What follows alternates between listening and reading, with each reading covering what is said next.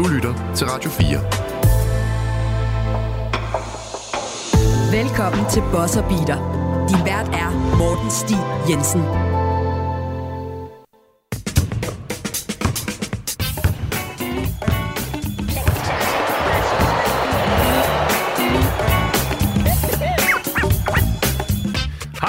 Hjertelig velkommen til Boss Beater. Mit navn det er Morten Stig Jensen, og i dag der skal vi snakke om Cleveland Cavaliers, Joel Embiid, sweetheart deals i NBA. Og øh, så kommer vi med nogle øh, fake trades, og så er nok nogle af jer, der sidder og tænker, jamen jeg sidder og lytter det her til øh, på en, på en fredag. Trade deadline var jo, var jo i går. Vi optager det her øh, onsdag aften, Altså cirka 24 timer inden trade deadline, deromkring faktisk 27 øh, timer inden trade deadline, hvis vi skal være helt øh, reelt omkring det. Og øh, det er Jonas Skåning i øvrigt, jeg har i studiet. Velkommen til. Jonas. Tak, tak. Og, og du og jeg, vi øh, skal simpelthen prøve at gøre lidt grin med os selv, tror jeg, fordi vi har hver især en realistisk trade og en urealistisk trade.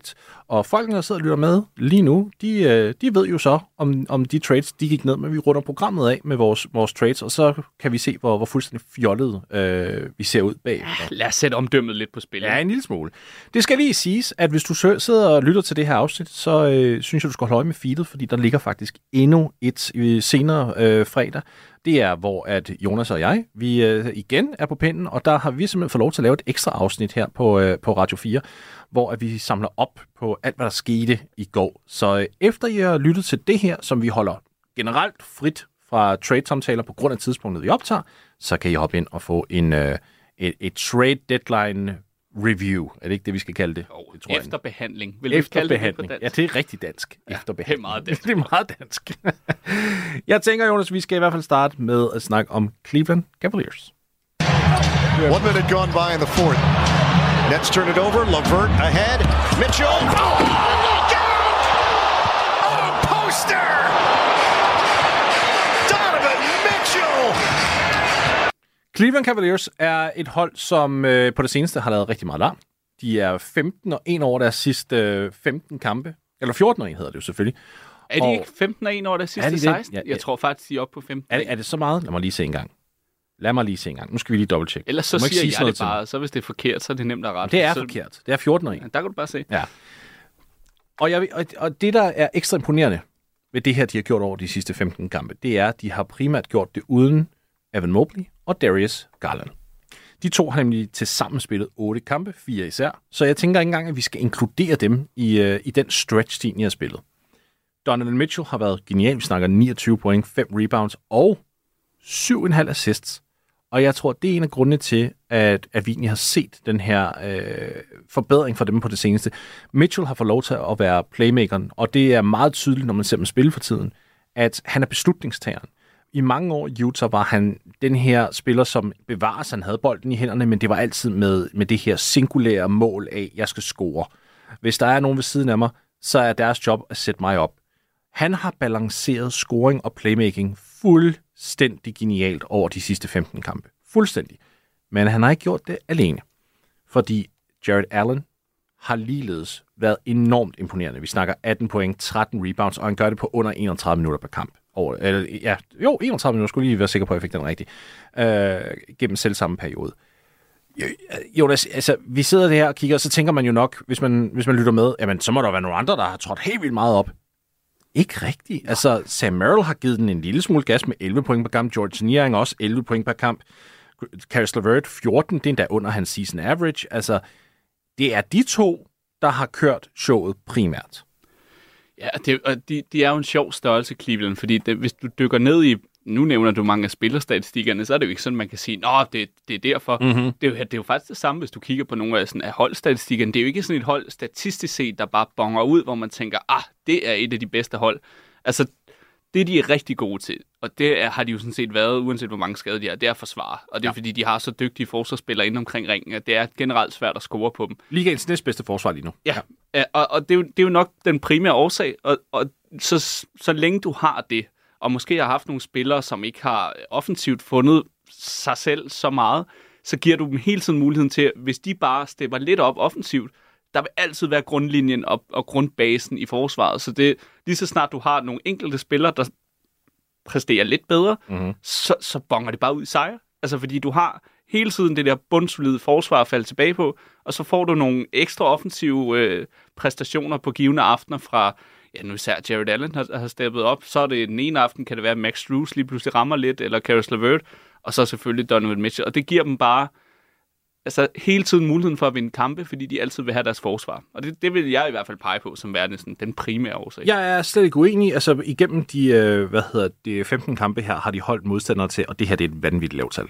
103,7 point per kamp. Men, Jonas, offensivt har de faktisk scoret 120,2. Det er altså, også vildt. så de har haft den her balance, og, og det er det, som jeg tror, jeg savnede for dem igennem store dele af sæsonen, inden den her stretch, det var, kan jeg være, kan jeg lægge min lid til, at de både dækker op, som de nu kan, og lægger bolden i kurven, og især effektivt. Det var hele tiden det store spørgsmål for mig. Fordi hvis du er en, en klub, der har for eksempel et top 5 angreb og et top 5 forsvar, jamen ved du hvad, per automatik, så smider jeg dig ind i Championship Consideration-kategorien. Det har de selvfølgelig haft hele sæsonen. De, lige nu, på, sæsonmæssigt, har de stadigvæk et sådan middle of the road offense, men gennem de sidste 15 har det taget et, et skridt op, betragteligt. Så hvis det her bliver Den nye norm. den nye norm, Ja, altså så kigger vi på et hold, som alle i Øst skal være bange for. ja og, og det er jo det er jo særligt, fordi de er jo også et rigtig godt reboundende hold. Det siger lidt sig selv, når man har Jared Allen og Evan Mobley. Altså, det det jo nok også har, altså betyder, det er, at de får per automatik, fordi de rebounder mere end mange andre hold, mange mm. øh, hvad der, second chance opportunities, altså de får flere, flere skud i løbet af en kamp. Og, og, og der er det klart, hvis du begynder at ramme flere af dine skud, jamen så, så bliver offensiven også bedre af det. Og det, det jeg vil sådan vurdere dem i, i år, jeg var også overrasket over deres dårlige start, det skal det siges. Jeg var ja. sådan lidt bekymret, fordi jeg havde egentlig regnet med, at de ville være rigtig gode i år. Det vi ser nu, det var egentlig det, jeg havde forventet, vi ville se gennem hele sæsonen. Jeg føler, de er blevet et mere modent hold. Og det er som om, Enig. at de forstår øh, rotationerne og hinandens roller bedre internt på holdet, både fra coaching staff og så de spillere, der er på banen. Vi har i hvert fald snakket om her på programmet tidligere, hvordan man fordeler Jared Allen og Evan Mobley. Altså, skal de være derinde på begge tid, samtidig hele tiden, øh, som du nævnte for mig forleden, øh, ud væk fra det her program. Altså, de er blevet bedre til at stack deres minutter ja. og, og fordele øh, minutterne mellem de to. Det tror jeg også har haft en stor betydning. Øh, det gør nemlig, at de kan være relevante forsvarsmæssigt stort set hele tiden. Ja, altså nu skal det jo så sige, at Mobley har jo kun spillet fire af de her 15 Klart. kampe, så, så, så det, jeg tror også, der ligger noget, noget værdi i, at Allen nærmest bare har haft frit slag. Ja, og, og, og- det synes jeg starter en anden debat. Det her med, at du har to spillere, i stedet for at du har fire, der ligesom alle sammen skal være profiler, er, er det måske bedre for dem? Ja, I, hvert fald, I hvert fald i grundspillet. I grundspillet ja, øhm, men det er også fordi Jared Allen er så spøjs en øh, profil at have, fordi han er jo aldrig den, der kommer til at stå og råbe og skrige på bolden. Øh, så jeg tror slet ikke, man tænker ham ind i den ligning. Altså han er jo øh, borderline øh, en, der altså, retfærdigvis godt kunne sige, en af de der reservespots til All-Star, dem vil jeg gerne have fat i, altså fordi han bare er så bundsolid, og han, og han præsterer så godt. Men det, det for mig primært handler om, det er at prøve at give Evan Mobley så meget frihed og ro til at, at, at finde sit spil. Mm-hmm. Altså det tror jeg er hans vigtigste opgave, fordi han er netop så bundsolid, at det åbner mere op for, for Evan Mobley, at han ikke skal tage så stort et læs defensivt, og får lidt mere ro, når han får nogle kampe øh, stablet op, øh, så at sige, her over øh, den næste periode, at han kan finde sit spil offensivt. Og så vil de jo bare altid falde tilbage på, at de har Donovan Mitchell, og det de så skal finde ud af nu, når, når Garland kommer tilbage for, i fuld vi gør og sådan noget, altså, hvordan bliver Mitchells rolle med ham på banen? Ja. Bliver det mere af det samme, hvor at Mitchell tager mere ansvar med bolden? Øh, Garland kan jo sagtens spille af bolden, altså det, så er det en beslutning, de tager, så vil jeg sådan set godt kunne lide det, fordi Darius Garland er en god skytte, og har tidligere vist, at han godt kan spille af screeninger. Altså, de, de har i hvert fald mange muligheder, og det tror jeg er det, der er det vigtigste for dem lige nu. Jeg, jeg sidder også en gang imellem sådan lidt og tænker, ja, så, åh, skulle man måske bryde dem op? Fordi det har der været noget snak om. Altså, skulle man bare gå med en af dem i stedet for? Men, men jeg har så svært ved at ignorere talentmassen, til, altså den kollektive talentmasse mellem de to. Donovan Mitchell og Darius Garland. Altså, det er så meget talent. Det, det, man bliver nærmest nødt til simpelthen bare at sige, okay, prøv at høre, vi ved godt, dataen insinuerer, at vi, vi spiller bedre, når det kun er en af jer, men vi bliver, vi bliver simpelthen nødt til at gå ind i tænkeboksen og finde ud af, hvordan vi får det her til at virke, fordi vi, vi kommer til at bruge for jer begge to. Det kan jo godt være resultatet af det, at Donovan Mitchell har spillet på den måde, han gør. Altså, han er jo også, det, er jo, det er jo ham, der har flest assist per kamp, hvis du ser på deres season average. Det er jo ikke Darius Garland. Og mås, måske var øh, den rollefordeling, de havde sidste år, var tanken. Mhm. Mm-hmm. Darius Garland er point guarden, og så skal Donovan Mitchell være shooting, shooting guard. Ja. ja, det var meget sådan formelt på en eller anden måde. Ja. ja. og der føler jeg mere, det, de er, bevæger sig over i nu, det er mere playoff-relevans, den måde, de spiller på. Fordi når de kommer til playoff, så kommer mm. Donovan Mitchell per automatik til at have bolden meget mere i hænderne. Så allerede nu at prep ham ind i den rolle og sige, jamen det er dig, der tager de store beslutninger, det er sådan set dig, vi helst vil have, har bolden i hænderne.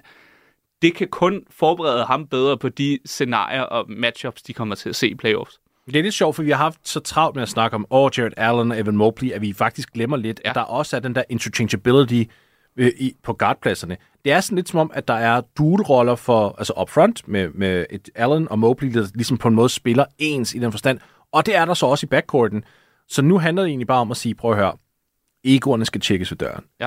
Og hvad end, hvem end der håndterer bolden, det er faktisk fløjtende ligegyldigt. Fordi vi skal bare være indstillet på, at den spiller, der håndterer bolden, er også i stand til at aflevere. Det er ikke bare et solo-show. Altså, og, det, og det synes jeg også, man kan sige til, til Mitchells fordel. Han har aldrig nogensinde altså, været, været den der spiller, som der går ind med et mindset, der hedder, jo jo, det er mit hold, jeg skal bære hele lortet, og det er kun mig, der skal skyde.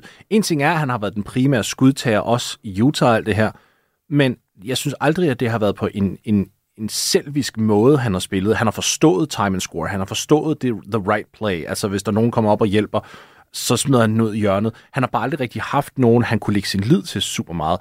Og jeg tror måske også, at det er en tilvændingsperiode for ham, ligesom at finde ud af, okay, hvad har du egentlig, D-man? Altså, hvad kan jeg stole på dig til at tage de skud, til at tage beslutningerne også, ikke også? Altså, vi så lidt det samme med, med LeBron og Dwayne Wade i Miami ja. det første år. Det var lidt det der med, altså, okay, vi er, vi er venner og alt det her, men på banen skal vi altså lige finde ja. ud af hinanden. Jamen, det er en virkelig god pointe, fordi hvis du så ham spille i Utah, der var der jo ikke nogen tvivl om, at det var ham, der skulle det hele. Altså, og det ville være det bedste for, for Utah, hvis han havde bolden konstant Ja. hele tiden. Hvor nu, der er det også til hans fordel, at Darius Garland har bolden. Men hele den sidste sæson, de havde, og at de, de kom så langt, som de gjorde, det føler jeg bare kun har været med til at gøre dem bedre, fordi de har, de har fået en eller anden bedre forståelse af hinanden, og hvordan de gør hinanden bedre. Det synes jeg er meget tydeligt at se, og især for Donovan Mitchell. Altså, han har, han har langt bedre forstået sin rolle som lederen på holdet i år, mm. end han gjorde sidste år. Altså, det er som om, at han ikke længere føler den der ansvarsbyrde, han gjorde i Utah, hvor han udmærket godt var klar over, jamen hvis han ikke skaber noget, så sker der ikke noget. Og det var ham, der skulle sætte Rudy Gobert op, og det var øh, af ham, at de fik scoret deres point. Der har han langt mere tillid til sine holdkammerater her. Det, det synes jeg er meget tydeligt at se, den måde han spiller på. Han er en meget mere moden spiller jo. Men så også en, en forholdsvis øh, stor statistisk ændring i Mitchell, da han kom til, til Cleveland, når det kom til skud, der ligesom var assisteret. Altså, i de sidste to år i Utah, der lå han på henholdsvis 15 og 17,7 procent af sine skud, øh, i hvert fald for to points territorie, som der var assisteret. Da han så kommer til Cleveland, 25,8 øh, sidste år, og 25,3 her i år, hvilket er en betragtelig stigning, vil jeg altså lige inkludere der. Det, det er det. Og, og det betyder også igen, at han har den her villighed til at indgå i, i et holdkoncept. Øh, jeg, jeg sætter spørgsmålstegn til, hvor langt de kan gå, men det er ikke på grund af dem, det er på grund af, at der også bare er nogle giganter derude, der virkelig kan lave noget larm. Vi skal ind og snakke om Jordan Beat her senere. Det er jo faktisk et hold, som man måske ikke skal være så bekymret for længere. Hvis du er, hvis du er Cleveland, og du kigger på Øst, hvem er det så, du frygter mest? Er det spøgelserne fra New York sådan fra sidste år, eller er det stadig Boston, du ligesom prøver at, at, at kigge på? Altså, som sæsonen er gået, så må det være Boston. Altså, ja, det er klart nu, det, altså, at, at Cleveland og New York rammer nogle runs på samme tidspunkt. Der er der sådan lidt øh, filosofisk. Det, det Ja. er sådan lidt, oh, here we go again. Men øh, altså, jeg tror, at de må også være klar over, hvem det er, de har på deres hold. Og så må de... Øh, mm-hmm. Sidste sæson var lidt gratis for dem, føler jeg på en eller anden måde, hvor i år, der er der lidt forventninger til dem. Øh, de skal også have nogle større forventninger til sig selv, og det vil sige, at de skal sigte efter altså, at slå det bedste hold Ja. ja. i Øst. Altså, det må være deres fokus. Som sæsonen er gået, er jeg nok heller ikke lige så bekymret, hvis de skulle møde med Milwaukee. Altså, der vil jeg kigge lidt på den situation og tænke, det gør egentlig ikke noget. Ja. Øh, selv med en rask Embiid, så tror jeg, det vil være et hold, de godt kunne spille op med, netop på grund af den måde, deres hold er strikket sammen på med, med Mobley og Allen. Der var de det de hold, der var gearet bedst til at møde Embiid. På samme måde med, med Giannis. Altså, øh, det, det vil, det, altså, jeg kan næsten kun forestille mig, hvor sjovt det vil være at se øh, Mobley på ham over en, en, en playoff-serie. Altså, så kan de finde en måde at dække op for Brown og Tatum, det er jo så der, hvor det, nok, altså, de står svagest i, i forhold til rent defensivt på deres hold. Så det vil nok være der, jeg vil være mest bekymret, hvis jeg var dem. Til gengæld, så burde de have mere at tilbyde guardmæssigt, fordi altså, jo, så kan du sige, Boston kan sætte Derek White på Donovan Mitchell, og White fortjener alle de komplimenter defensivt, han overhovedet kan få her i år. Altså, vi snakker nok first team all defense. Ja, ja, altså, det det, det er der, vi er.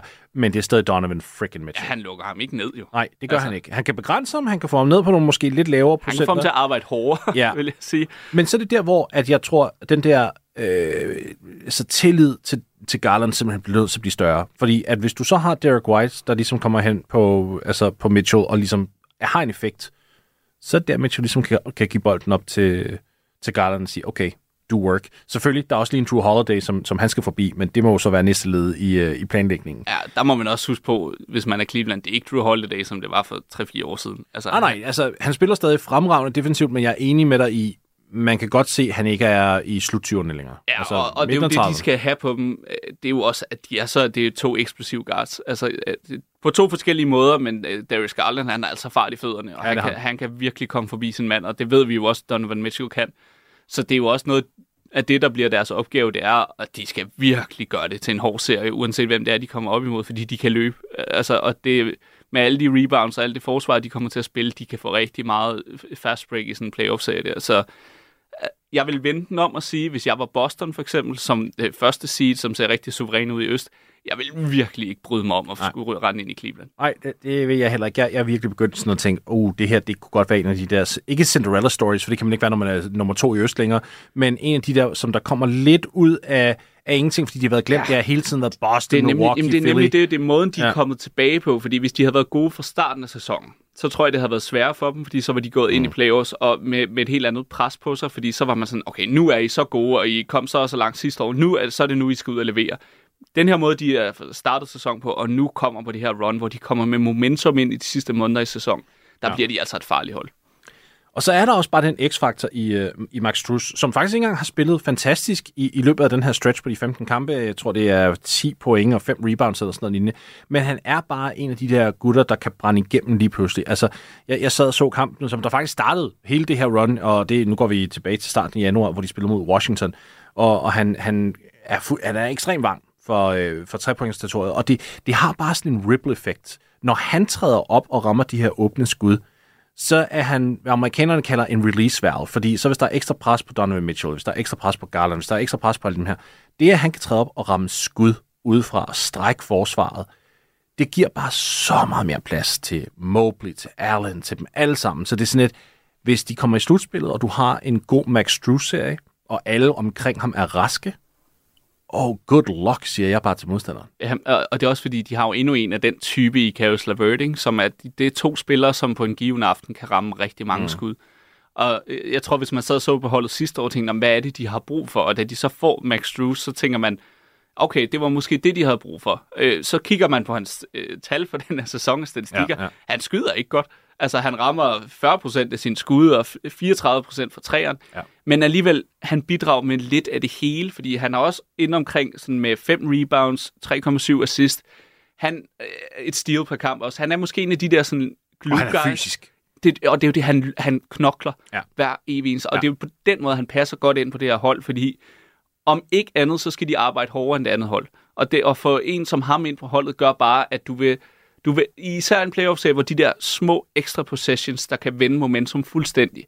Altså en, der virkelig ikke er bange for at tage imod sin f- matchup forsvarsmæssigt, kaste sig på gulvet efter en, en løs bold, hop øh, op mod en langt højere øh, Ja. øh, forwardspiller for at få fat i en rebound. De der ting, som du ikke kan se i statistikkerne. Altså, der, der tror jeg, at han er sådan en, hvor at du kan ikke måle det ud på, på hvad hans tal siger. Og en ting til, som man ikke ser på statistikkerne, det er, selvom han kun rammer de der 34% udefra, prøv at se, hvordan defensiv kæder roterer, når han lige pludselig står er uden for stadig bag. nødt til at forholde sig til ham. De, de tonser ud for at lukke ham ned. Ja. Altså, det, så, så det er ikke gode looks, han altid får. Og, og det har bare den der effekt med, at når du har et forsvar, der lige pludselig nærmest kollapser, og ligesom siger, "Åh, okay, vi bliver nødt til bare at spæne ud til ham, jamen så rykker han lige pludselig bolden, så er der, fi, så er der kun lige pludselig fire mand inden for trepointslinjen, som du bliver nødt til at slå, og så kan du in, initiere noget pick and roll, og du kan køre den derfra. Ja, det har bare en ripple-effekt. Ja, og, og det er den her ripple-effekt, som jeg synes, der er, bare, bare spiller sig rigtig godt ind for ham, og Cleveland i sin helhed. Jeg, jeg synes også, de er fornøjelige at spille, altså at se spille, altså de, de er herlige at se spille God nu. energi. god energi. Og, og jeg vil da være helt ærlig at sige, hvis du havde sagt til mig inden sæsonen, okay, øh, Garland kommer til at spille hvad, 24 kampe, Mobley 25 kampe, når efter øh, at de, øh, hvad er det, hvor mange har de overhovedet spillet her over? Det er 50 eller sådan noget, 8, nej, 48 har de spillet. Men altså, okay, de har misset halvdelen af deres kampe, så havde jeg aldrig sagt til dig, at du, de har været nummer to i Øst. Nej, nej, Altså, nej. Det, det havde jeg ikke troet. Og også fordi, jeg tror, mange vil tænke på Cleveland, og så er det jo et hold, der sender mange trepointsafslutninger afsted. Hvis du bare kigger på deres bedste spillere, altså Darius Garland, rigtig god skytte, skød mm. 34,5% for træerne. Donovan Mitchell, god skytte, 35,4. Evan Mobley kan sagtens ramme sin træer, 33%. Så der vil jeg som Cleveland sige, okay, vi er faktisk med helt fremme, og vores bedste spillere har endnu ikke præsteret til, hvad vi Ja. ved, de kan. Men netop fordi man har fået sådan nogen som Max Struz, der ændrer det bare dynamikken på banen, fordi han spreder gulvet ud, og der, hvor faktisk alle de spillere er bedst, det er jo inde i feltet. Altså, Ja, og, det er det. og der, altså Garland kommer på linjen fire gange per kamp, Donovan Mitchell seks gange, øh, og bare det, at de får muligheden, sådan så når de ikke er godt skydende, så ved de, at de kan komme på linjen. Det er de ikke bange for at søge. Øh, dygtige omkring ringen med deres layups også. Og sådan. Altså det føler jeg er vigtigere end det der med, at de skulle have en ind, der skulle ramme en masse træer. Ja. Det er det der med, at de får en ind, som det andet hold frygter kan ramme en masse træer. Fordi det gør bare, at gulvet bliver åbnet op på en anden måde, end det gjorde for dem sidste år. Jeg vil stadig sige til din pointe omkring Evan Mobley dog. Jeg ved godt, at han rammer 33 procent, men det er jo på ingen volumen. Altså Det det. ingen volumen. Mand, manden har, har bogstaveligt talt ramt 5, 5 for 15 her i år. Han, det er stadigvæk det her element, som vi har ventet lidt på. Han er i år 3, og, og jeg er villig til at vente en snært mere. Men hvis vi går ind til år 4, og han stadigvæk er tilbøjelig til ligesom at lade være med at tage det skud, så begynder der at, at komme nogle spørgsmål henover, hvor langt kan den der frontcourt duo af ham og Jared Allen gå? Også yes. Selvom de bliver stakket, fordi de har brug for en big man, der mm-hmm. kan gå ud og, og ligesom sprede forsvar. Ja, for ellers er du nødt til at stakke dem på en så drastisk måde at sige, at en af dem skal starte for bænken. Ja, og det kan du ikke. Og det altså, kan man bare, det kan men man det, bare det vil jo være det logiske at gøre, fordi det er rent Mm-hmm. øh, holdsammensætningsmæssigt ikke giver mening at have en, en fire, der er, heller ikke er en skudtrussel, når deres femmer heller ikke på nogen måde er det. Ja. Så må vi jo se det der med, at altså jeg har jo hele tiden tænkt med Jared Allen, han kunne sagtens begynde at tage træer. Om ikke andet, tage nogle lange toer, når han kommer af noget, noget pick and roll. Altså fordi, hvis du kigger på hans skud, der er ikke noget ved det, hvor jeg tænker, øh, Nej. det skal du ikke gøre. Han har en, en flot afvikling, men det er bare ikke noget, han søger.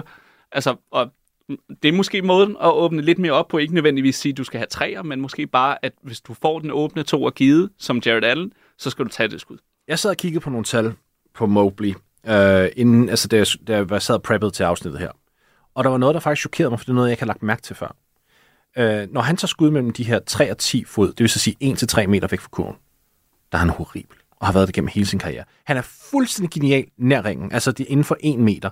Der karrieremæssigt sidder han på 78,8% træfsikkerhed. Det er, det er et elite tal, han er, når det er tæt på ringen. Men bare det der med, at han rykker sig en meter til to længere væk fra kurven, så går vi helt ned til 39% træfsikkerhed. Det er, altså, der er et eller andet, der sker der. Der er, jeg tror, der er the missing piece for ham. Hvis han har bare en lille smule mere umf i sit det der in-between game, så åbner alt op for ham. Og, og jeg ved ikke, om det er på grund af, at han bare er passiv, eller om det er, fordi han mangler det der lille touch. Det, det tror jeg stadigvæk ikke, jeg har været i stand til at identificere. Men, men jeg savner noget udvikling der i det in-between game, og så bare de åbne træer. Næste år tror jeg kunne være et kæmpe år for ham. Det skal det helst Det skal være. det være, ja. ja. Rigtigt. Især hvis det her hold skal have... Det synes jeg jo, de skal. Jeg synes jo, de skal have mesterskabsambitioner med den roster, de har. Altså, og der er det bare nødvendigt for dem, at, at Mobley tager det næste skridt. Øh, og det synes jeg jo faktisk allerede, han skal gøre i playoffs. Det er der, hvor han skal Mhm. mm-hmm. træde ind og vise, okay, der, der er noget her. Han gemmer ham. det, Jonas. Han, gemmer, han har bare gemt det. Så lige så snart de træder ind i første runde, mand, så, så begynder han... Smækker han Så er det bare sådan, hey, jeg er faktisk Steph Curry. Ja. Du lytter til Bosser Beater på Radio 4. Det var godt, vi kunne slutte øh, på et grin med, med Cleveland, fordi øh, der er ikke noget grin af, når det kommer til Joel Embiid.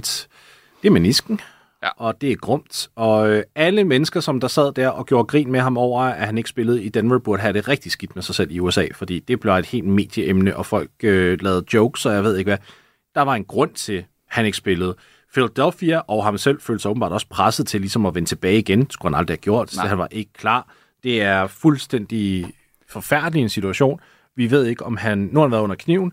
Der, de har ikke 100% sagt, om at han kan ikke vende tilbage den her sæson. Der er en dør, der er åben til dels, men samtidig er der mange, der spekulerer, ligesom at sige, prøv at høre, han vender først tilbage næste år. Og du havde et perspektiv på det, kunne jeg forstå. Ja, altså jeg ved øh, per, per erfaring med sådan nogle meniskader, og hvis det kræver en operation, så er det ikke noget, du kommer derover så hurtigt. Altså, de er blevet rigtig, rigtig dygtige til det med, med, med knæskader. Jeg tror, fra dengang jeg fik det for 10 år siden, der var det sådan lidt per automatik. Du er opereret i knæet, og du har, så er du ude et år. Ja. De er blevet rigtig dygtige til at for det første hele genoptræningsforløbet, men også selve operationen, som gør, at de ikke nødvendigvis er sat ud at spille i for lang tid. Især når det omhandler menisken. Det er selvfølgelig noget andet, når det er korsbånd og ledbånd og sådan noget. Men det, der bare er med det, når du er Embiid og har den fysik, han har, og bærer rundt på alle de kilo, så uanset hvor meget arbejde han kommer til at lægge i det, så kan han ikke på nogen måde få opbygget den samme muskelmasse omkring sit knæ, som han havde før. Det vil sige, for mig at se, vil det være en kæmpe risiko at tage og sende ham på banen igen. Jeg ved, de har sagt, at de vil øh, lave en re-evaluation om fire uger. Det er meget tidligt, øh, fordi der vil han for mig at se først lige være gået i gang med at kunne lægge ordentlig vægt på og, Ja. ja. og, og styrketræne med, med, med vægt.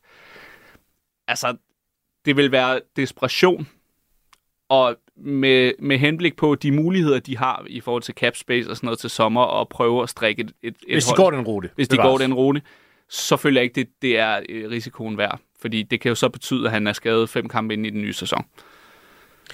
Det er ekstremt bittert, også fordi, jeg tror, vi begge to er enige, at hvis han havde holdt sig rask, og hvis han havde spillet de der 65 kampe, MVP. MVP. Men det er også det, man kan spørge sig selv, var det her sket, hvis den 65-kampes regel var blevet indført tidligere sæson? Havde han, var Det er jo det, folk snakker om. Det, altså, det, det vil jeg jo næsten spørge dig om, i stedet for, fordi jeg, jeg synes ikke, jeg kan have et, et fast svar på det. Jeg, altså, det der med, at han vandt MVP'en sidste år, det tror jeg gjorde, at han ligesom fik, altså, hvad er det, man siger, got the monkey off his back, ikke? Altså, Jo. jeg tror ikke nødvendigvis, at det, var nød, at det udelukkende var det, der givet ham her i år. Nej, men jeg tror, der var så meget pres på, at han skulle, Ja.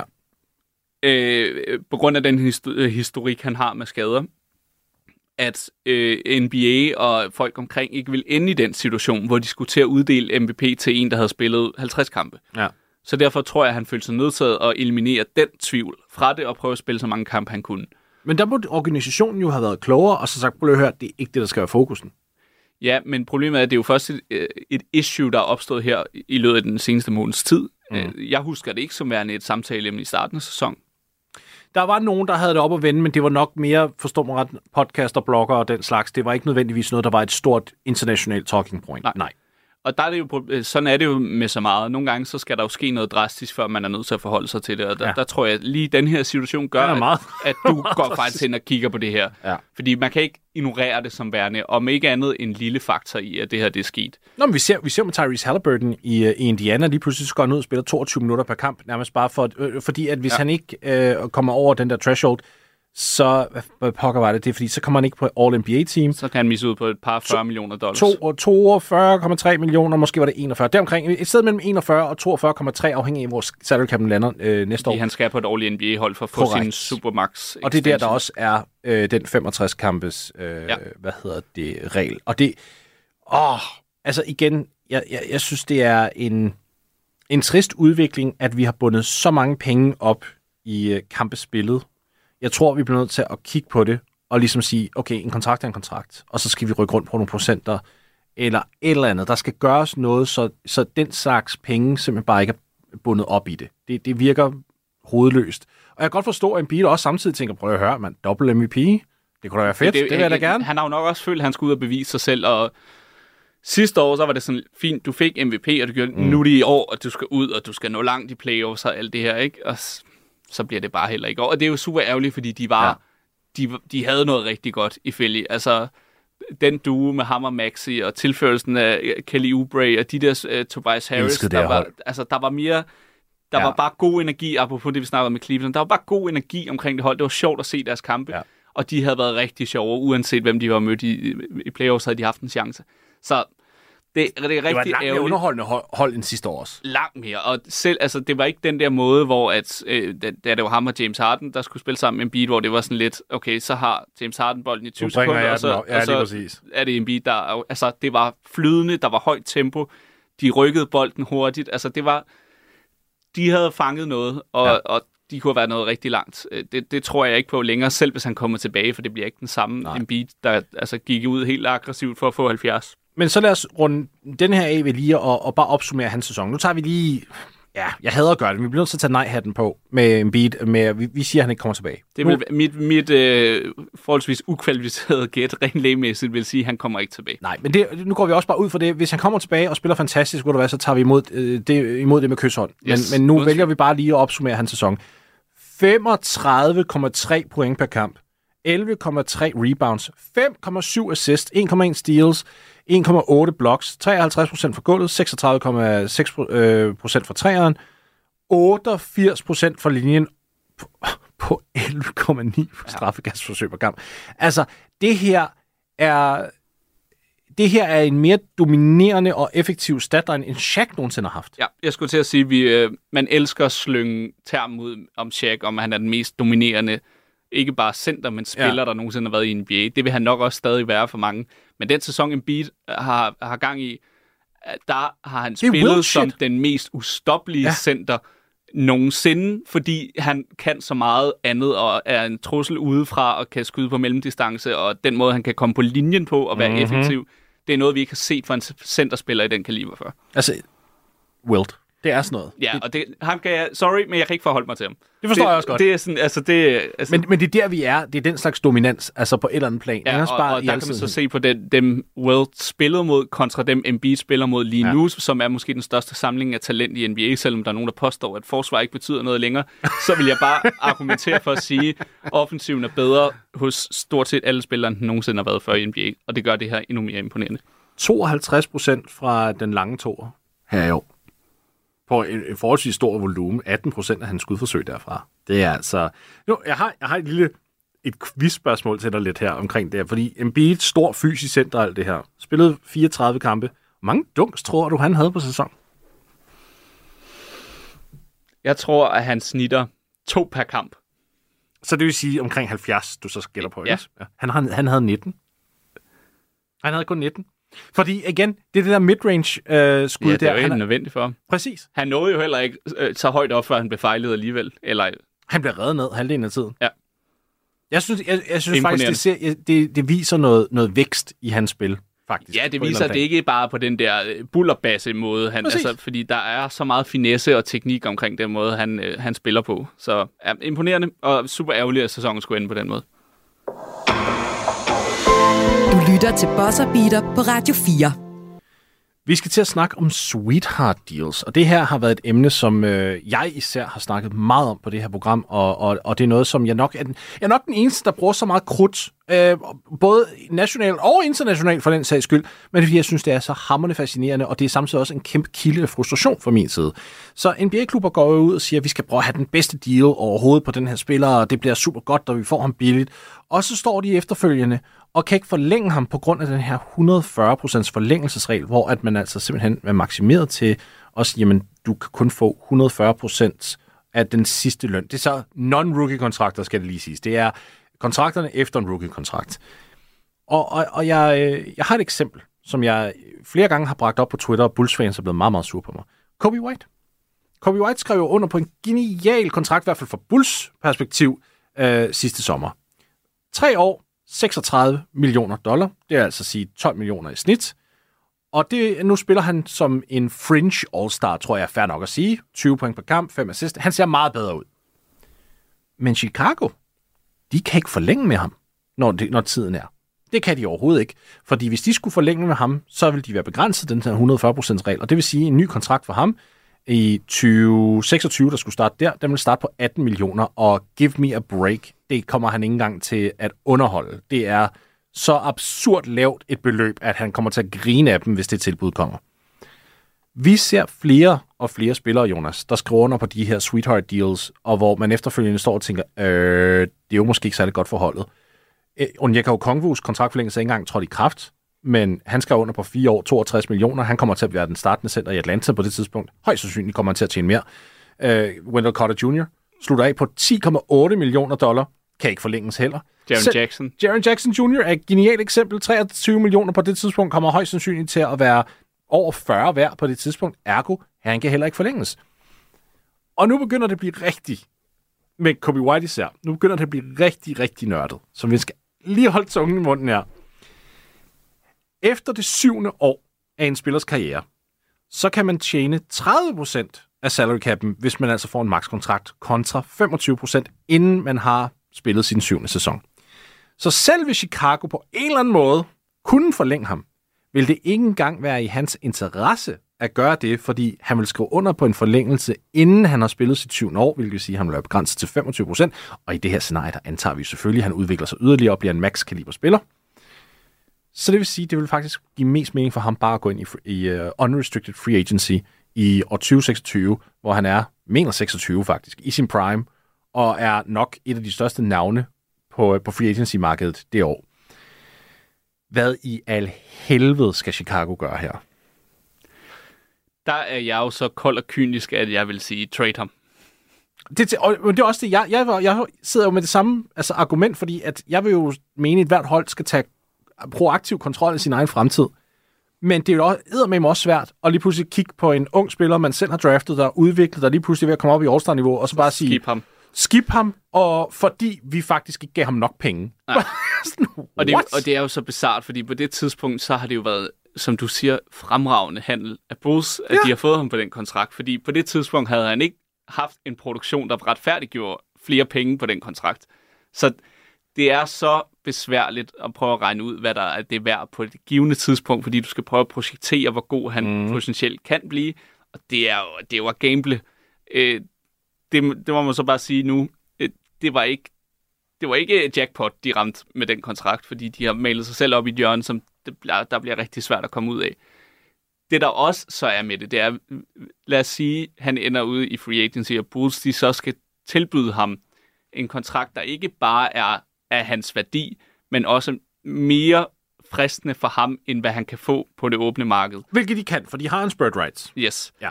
Så er det også lige pludselig, kommer man så til at overbetale for ham. Fordi lad os sige, at han så de næste to år, efter han har skrevet under på den kontrakt, slet ikke producerer tilsvarende værdi til det beløb, han så får så har du lige pludselig en rigtig dårlig kontrakt, der bliver svær at slippe af med. Det er jeg faktisk ikke så bekymret med, fordi, eller over, fordi han netop kommer til at være 26, så han kommer til at være tidlig i sin prime. Men der er noget andet, du siger deri, som jeg synes, der er interessant. Fordi bare det, at han kommer ud på markedet. Hvis han står som i, i den her alder, 26, og er en max-kaliberspiller, all-star-spiller, hvad vi nu, hvor, hvor end han nu ender hen, men altså, vi antager, at han bliver bedre, end hvad han er lige nu. Og Chicago stadigvæk luller rundt med det her åh, vi skal bare jagte play-in. Hvad er hans interesse i at vende tilbage til en klub, som der ikke går nogen steder? Ja, sol, måner og stjerner står lige på en rigtig dårlig måde for Chicago, hvad det angår. Ja. Altså, de kunne ikke have valgt et dårligere tidspunkt, ikke at være relevante, når de skal ud og så netop kæmpe på det åbne marked for at få lov til at beholde en af deres egne spillere. Og det er jo synd, fordi at der er nogen, der måske lytter her og tænker, ej Morten, nu trasher du Chicago igen. Nej, det er egentlig ikke, fordi Chicago gjorde det rigtige her. Ja. De, de gik ud og fik en spiller til under markedsværdi, hvilket altid er et aktiv. Jeg synes jo faktisk, det er ligaen, øh, der har fejlet Chicago her i det her, og faktisk også Kobe White, hvis vi skal være helt ærlige, fordi manden skal jo kunne være stand til at få sine penge senere hen. Der er noget fundamentalt galt, hvis du som NBA-franchise går ud og laver godt købmandskab. Så bliver straffet for det senere. Og så faktisk bliver straffet for det på ja, den måde. Det er jo også en af altså, de øh, mekanismer omkring de små markeder, som jeg føler bliver allermest vigtigt at tage op i fremtiden. Det er den måde, øh, kontrakterne bliver udformet på, sådan så de er i stand til at afskærme kontra- øh, interessen fra de uh-huh. større markeder. Det er ved at give dem muligheden for at tilbyde dem kontrakter, hvor du sådan, jamen okay, du ramte sådan set rigtigt med den øh, værdisætning, du fik som hold, fordi du fik meget mere produktion for pengene, end du havde regnet med. Han udviklede sig sidenhen til at blive meget bedre, end det man troede. Så skal man også være i stand til, som et, lad os ja. bare sige, et lille marked, at kunne belønne spilleren deraf. Fordi ellers så vil de jo ved det altså nu det er Chicago, så jeg ved ikke, hvor stort et issue det vil være for dem, fordi de trods alt stadig er Chicago.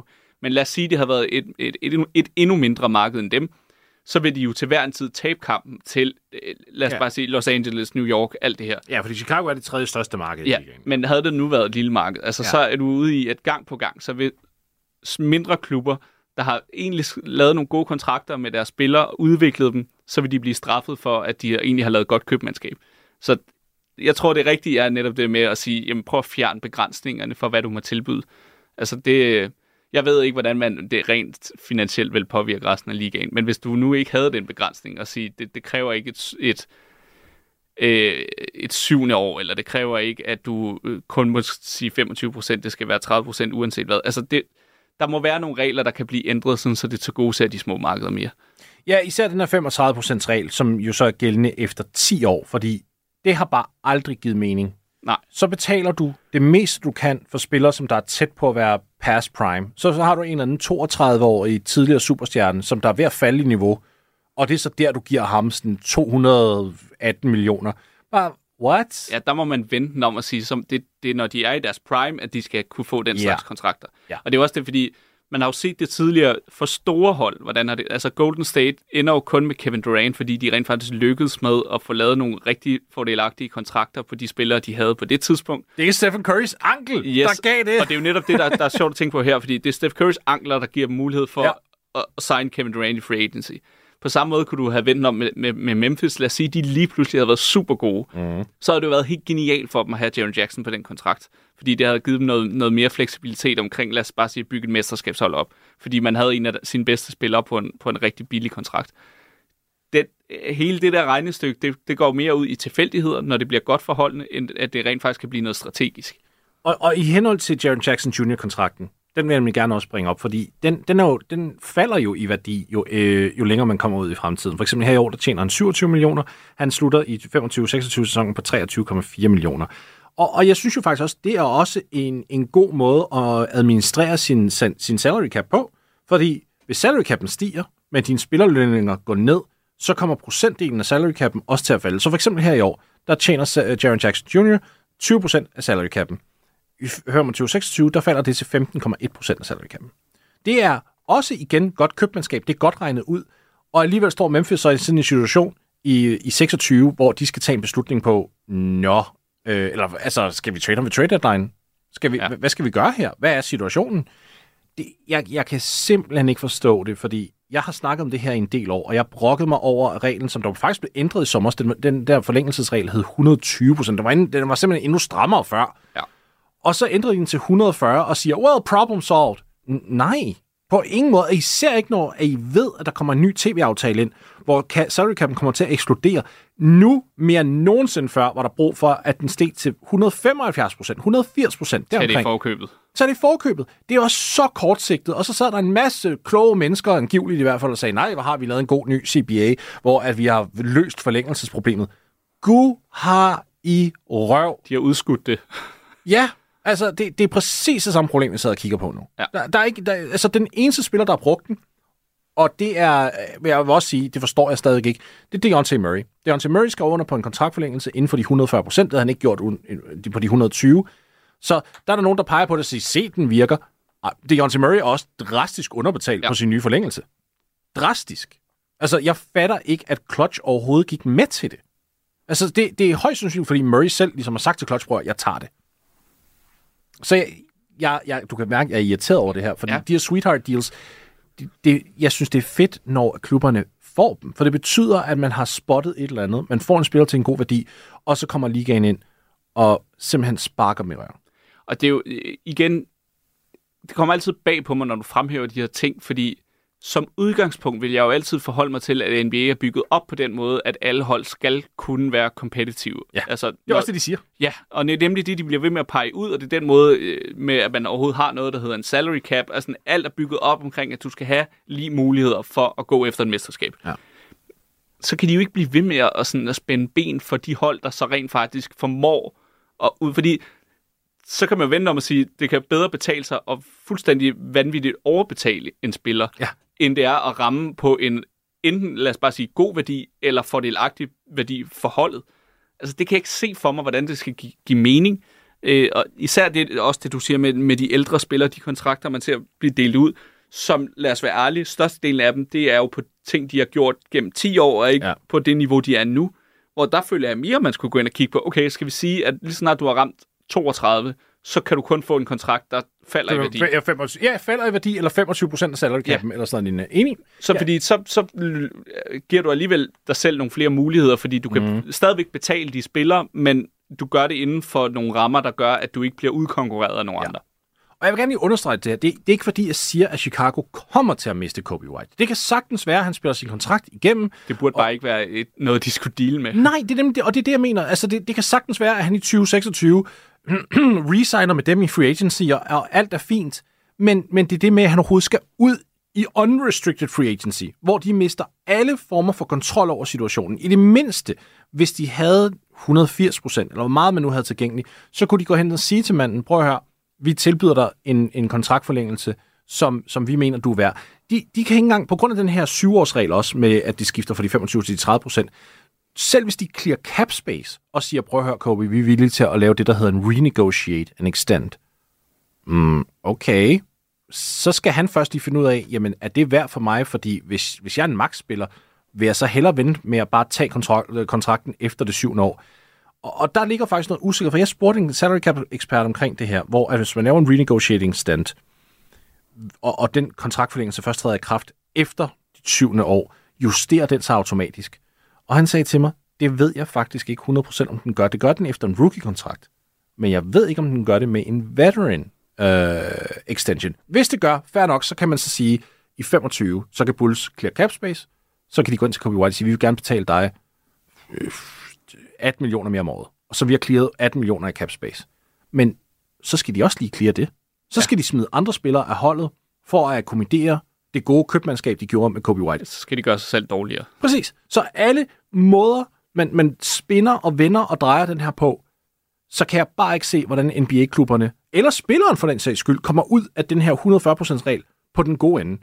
Den røvrender begge parter, og alligevel sidder ligaen og tænker, problem solved. What? Det er også mærkeligt, at man har valgt at begrænse sig selv på den måde, fordi det er jo sådan, det, for mig at se, lyder det som om, det er et forholdsvis klart problem, der ligger med en rimelig Mhm. mm-hmm. klar løsning. Ja. Som det vil ikke kræve særlig meget at ændre det, og dermed så har du faktisk udryddet hele det problem, og gør det muligt for klubberne at, at forlænge de spillere, de gerne vil beholde. Du kan, Altså- du kan endda gøre det, du kan endda binde det op i nogle, nogle statistikker. Nu ved jeg godt, at vi lige har brokket os over den der 65-kampes regel. Ja. Men når det kommer til forlængelsesmuligheder, ved du hvad? Hvis du har så, lad, så lad os sige, hvis du har spillet 70 kampe over de sidste to sæsoner for eksempel, og snitter over 30 minutter per kamp eller et eller andet. Oh, okay, så er du eligible til en større procent. Det synes jeg også er fair nok, altså fordi det er jo igen balancegang mellem det der, men jamen, hvis du er og har vist dig at være til rådighed, mm-hmm. så er du også et asset på en anden måde end en spiller, der har mange skader. Det, Ja. det er jo også bare sådan, den hårde, kyniske verden fungerer. Altså, så må man jo også godt gøre det op. Men så igen, så hvis den spiller, spiller 69, så er vi ude i samme problem. Så du måske skulle man bare fjerne øh, kampen, eller også skulle man sætte kamptallet ekstremt lavt. Måske 50 kampe i stedet for. Ja, bare over halvdelen. Altså, Ja. 41. Ja. Har du spillet over halvdelen af de, altså 41 kampe per sæson over de to sidste kampe, øh, over de to sidste sæsoner, altså har du spillet 82 kampe over de to sidste sæsoner til sammen, og snitter du over 30 minutter per kamp, bum, så er du eligible til, hvad ved jeg, 180-200 procent Ja. i, i uh, extension, fordi lad os nu være helt ærlige, selv hvis det er 200 procent, Kobe White har ikke tænkt sig at tage imod. Altså, 24 millioner, så det er næsten Nej. lige før, det skal være mere. Så du skal måske slippe den, der hedder 200 så skal du sige op til en max. Ja, jeg skulle til at sige, du er nødt til at lade, øh, hvis, det, hvis du skal fjerne problemet fuldstændig, er du nødt til at lade være med at have en, Ja, en en, øvre begrænsning på det. Ja. Altså, så skal man gøre det så fleksibelt, sådan så det er op til klubberne selv at værdisætte spilleren. Ja. Altså, fordi øh, ellers så kan man også begynde at finde smuthuller som spiller og agenter for at sige, Nå, men nu er tallet jo op til så og så meget, ja, så må I hellere give ham det. altså, så der skal være en, en balancegang, men om ikke andet, så skal man, du skal simpelthen lade være med at begrænse dig selv på den måde. Ja. Beklager mit brok omkring det her. Det er, det, jeg, jeg går meget op i uh, salary cap, og jeg går meget op i spillerkontrakter, fordi det er det, der ligger fundamentet for, uh, for ligaen. Og, Det er jo også væsentligt at forstå, så man ikke lige pludselig sidder en eller anden dag og tænker, hvorfor har Memphis traded Jaren Jackson? Og hvad, Ja. hvad, skal, hvad skal Bulls med Kobe White nu? Og hvorfor trader de ham for ingenting? Og sådan noget? Ja. Det, er det, er jo derfor. sådan nogle situationer, man Det kan er- sidde bagefter og skal prøve at gøre sig klog på. Præcis, og det er, det er også nogen, der er uforståelige på et eller andet plan, fordi der er ikke, lo, der er ikke logik connected i det her. Så er det godt, du kan gøre os klog på det, Ja, inden det sker. Nu, jeg, jeg, måske skal jeg først til at sende en, en, en, en e-mail til NBA og sige, hvad fanden? Jeg kan ikke lige prøve at Jeg fikse ikke det her. lige... Hvad fanden sker der? Du lytter til Buzzer Beater på Radio 4. Nå, Jonas, nu skal vi til vores realistiske og urealistiske trades. Og øh, igen, bare lige for at gentage, vi optager det her onsdag aften, altså øh, dagen inden trade deadline. Og jeg ved godt, når det her afsnit kommer ud, så er det fredag. Trade deadline er overstået, så vi, vi sætter os virkelig i skudlinjen her for ja. at ligne komplet idioter. Det er ren underholdning, det her. Det er ren underholdning jo, simpelthen i de sidste fem minutter af programmet. Så vi har en realistisk og en urealistisk trade hver især. Ja. Jeg starter med dig. Hvor vil du hen af? Mit realistiske bud, Ja. Og det kommer fa- faktisk af, at jeg, har, jeg troede, jeg skulle over i noget Philly. Det kan, jeg kan lige nævne min første tanke. Yes. Det var, at øh, Buddy Hield vil blive traded til Philly. Oh, Men I like it. det var med, Med tanke Embiid. på, at Embiid var der. Ja, Så ja. den er jeg kommet lidt væk fra. Der, hvor jeg i stedet for endt, det er for at tænke videre ud i tanken om, at jeg rigtig gerne vil have Zach Lavine til Sacramento. Mm-hmm. Det kommer jeg ikke til, det kommer ikke Mhm. Nej, til at ske. han er også ude resten af sæsonen Så nu. derfor vil jeg sige, okay, jeg bliver nødt til at finde lidt en discount-udgave af det. Så derfor, der render en rundt op i Toronto, som er øh, kommet lidt i vejen i, i trade og røg med derover. Han hedder Bruce Brown. Ja. Jeg tror, at Bruce Brown han bliver traded til Sacramento Kings. Hvad er pakken? Det, det skal du ikke spørge mig om. Fordi jeg kom i tanke om det for to minutter siden. det Og jeg har siddet her og har lavet... Ja, det har, det, har, det har jeg ikke. Altså, det, det, det var ikke det, vi skulle, vi skulle sige. Her kommer et realistisk... Og jeg siger, Bruce Brown, han spiller i Sacramento. Når, lige så snart I sidder og hører på det her, der er han blevet traded til Sacramento.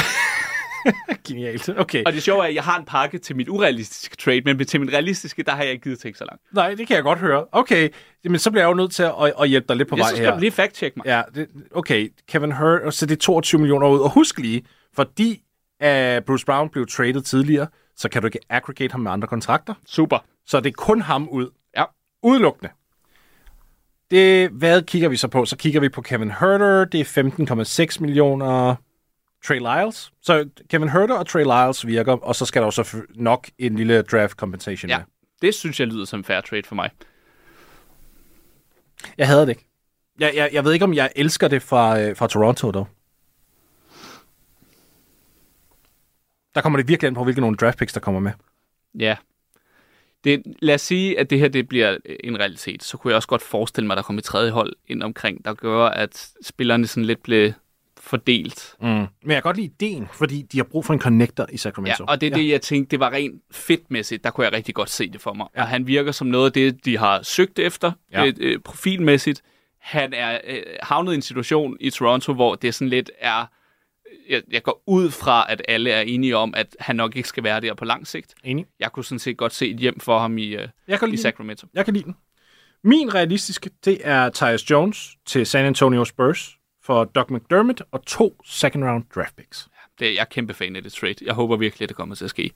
De har brug for, de, altså Spurs har brug for en point guard. De kan opgive en, en udløbende kontrakt i McDermott. De kan give de to second rounders, hvilket er så betalingen for Jones på et eller andet plan. Jeg ved godt, at Wizards gerne vil have et first rounder, men uh, good luck, guys. Ja. Fordi at Tyus Jones selv er en udløbende kontrakt. Du får ikke, det får du bare ikke. To seconds, take it or leave it.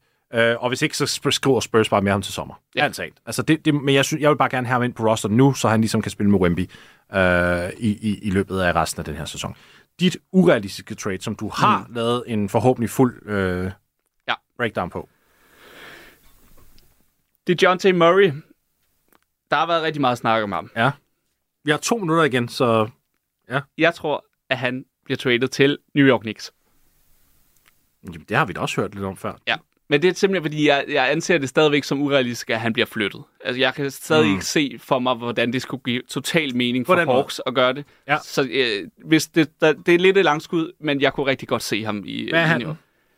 Det er øh, Quentin Grimes og øh, Evan Fourniers udløbende kontrakt, og så så mange draft picks, de tør undvære. Jeg vil nok sige to first round picks med nogle beskyttelser.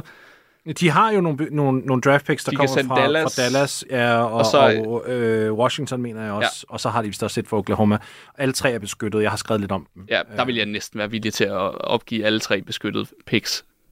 Jeg, Jeg, tror, jeg ved han ikke engang, jeg synes, den er hammerende urealistisk. altså, jeg tror, han vil kunne rykke deres... Altså, netop så godt, som de spiller nu. Smid, mens jernet er varm. Altså, han vil slot altså, perfekt. Ja, det, jeg, jeg er jo stadig lidt ked af, at han så skal spille shooting guard igen. Fordi den er... ja, men der vil jeg egentlig mere sige, at det kunne Jalen Brunson gøre. Altså, ja, ja, ja, både over. Ikke? Også, han, er, han er sgu bedre med bold i hånden. Men, men igen, det, han, er, han har, Murray altså har spillet shooting guard, så det er fair nok. Det er bare, jeg, jeg, jeg vil gerne se ham vende tilbage til point guard Det, det tror jeg, og det er også derfor, jeg tror, at den er havnet lidt i min urealistiske del. Men jeg har bare en eller anden en mavefornemmelse, der Ja, siger, det, ja. det, kunne være, det kunne være der. Jo, men Fournier, det er også en kontrakt lucid, altså user lucid, ikke også? Ja. Nå, men øh, på, på øh, i sidste sekunder her, min urealistiske, det er DeMar DeRozan til Dallas Mavericks for Rashawn Holmes og Tim Hardaway Jr. Den, Og så højst sandsynligt en eller anden form for second round draft kompensation til Chicago. den er sjov. Og grunden til, at jeg nævner det, er, fordi Dallas igennem mange år har været fuldstændig forelsket i DeRozan. Ja. Og den er faktisk meget sjov. Kan vide, hvordan det vil fungere på banen? Ja, ja det, er også, det er jo det helt store spørgsmål, ikke også? Fordi ja. Ja. han er en midrange assassin, han ja. Ja. er ikke ligefrem en floor spacer. Det har man ikke rigtig set sammen med, med, med Luca. Nej. Interessant. Så må vi se, hvor kloge vi ser ud. Ja, så kan vi sidde og grine af os lige nu. Det var bosseren, og jeg synes, vi kom øh, vidt omkring her i dag. Vi fik snakket Cavs, vi fik snakket Jordan Beat, vi snakkede sweetheart deals, og så kom vi med nogle trades, der muligvis får os til at ligne fuldstændig idioter. Det er fantastisk. Husk, der ligger endnu et øh, Bosserbeater afsnit i jeres feed. Øh, hvis I lytter til det til om morgenen, så må I nok lige væbne jer med lidt med tålmodighed. Det kommer i løbet af eftermiddagen, øh, hvor det er Jonas Skåning og jeg igen igen, som der øh, samler op på aftens trade deadline. Indtil vi snakkes igen, så pas rigtig godt på jer selv. Du har lyttet til en podcast fra Radio 4. Find flere episoder i vores app, eller der, hvor du lytter til podcast.